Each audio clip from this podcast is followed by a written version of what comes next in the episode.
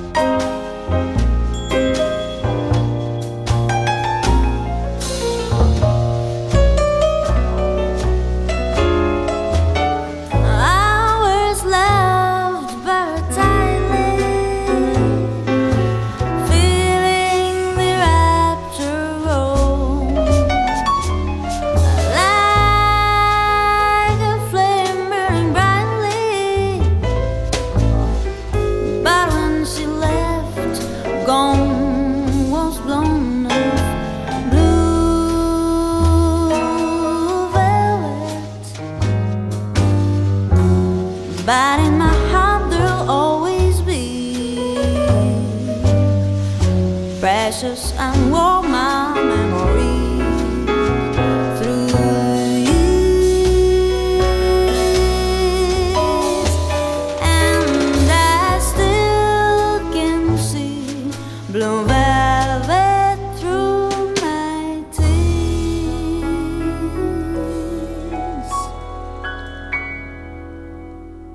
Przed nami najnowsza płyta saksofonisty Colina Stetsona, którą można by od biedy nagąć do gatunku fusion. Płyta zatytułowana jest When We Were That What Wept for the Sea. Płyta jako dedykacja Colina Stetsona dla zmarłego nagle ojca dowodzi, że piękno, strach i tęsknota mogą wzniośle współistnieć w czasie. Stetson prowadzi nas w podróż wspomnień i żalu, przypominającą morską przygodę, pełną zawieszonych chwil, zamglonych brzegów i walki ze wzburzonym morzem. Colin Stetson spędził całe swoje muzyczne życie przesuwając muzyczny potencjał pozornie ograniczonego instrumentu instrumentu, jakim jest saksofon, daleko poza jego granice, opanowując pierwotną zdolność wdychania i wydychania powietrza do niezrównanego poziomu. Stetson używa saksofonu w sposób, który znacznie wykracza poza zwykłe granie na nim. Jest to akcja, w której uczestniczą dwa elementy, ludzki i stalowy. Ponadto dynamika Stetsona zmienia dźwięk naciskania klawiszy w akompaniament podczas jego występów solowych. Potężny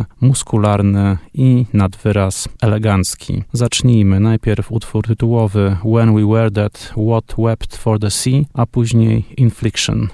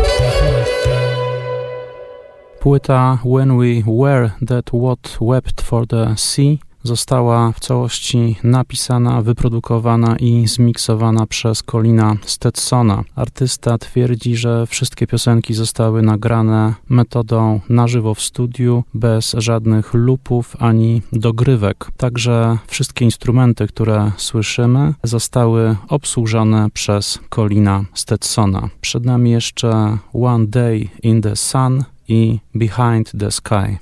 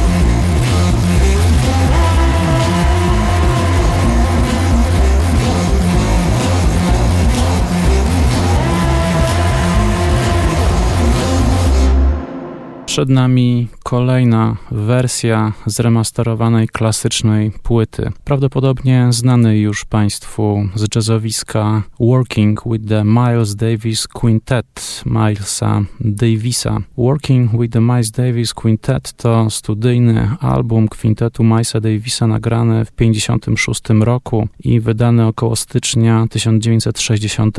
Dwie sesje 11 maja 1956 i 26 października tego samego roku zaowocowały czterema albumami Working, Relaxing, Steaming i Cooking with the Miles Davis Quintet. Aby wywiązać się ze zobowiązań umownych wobec wytwórni Prestige, Miles nagrał z tym zespołem długie, spontaniczne utwory, które ukazały się na czterech wspomnianych wcześniej albumach. Przygotowałem dziś dla Państwa dwie kompozycje z tej płyty. Zaczniemy od utworu Johna Coltrane'a Trains Blues.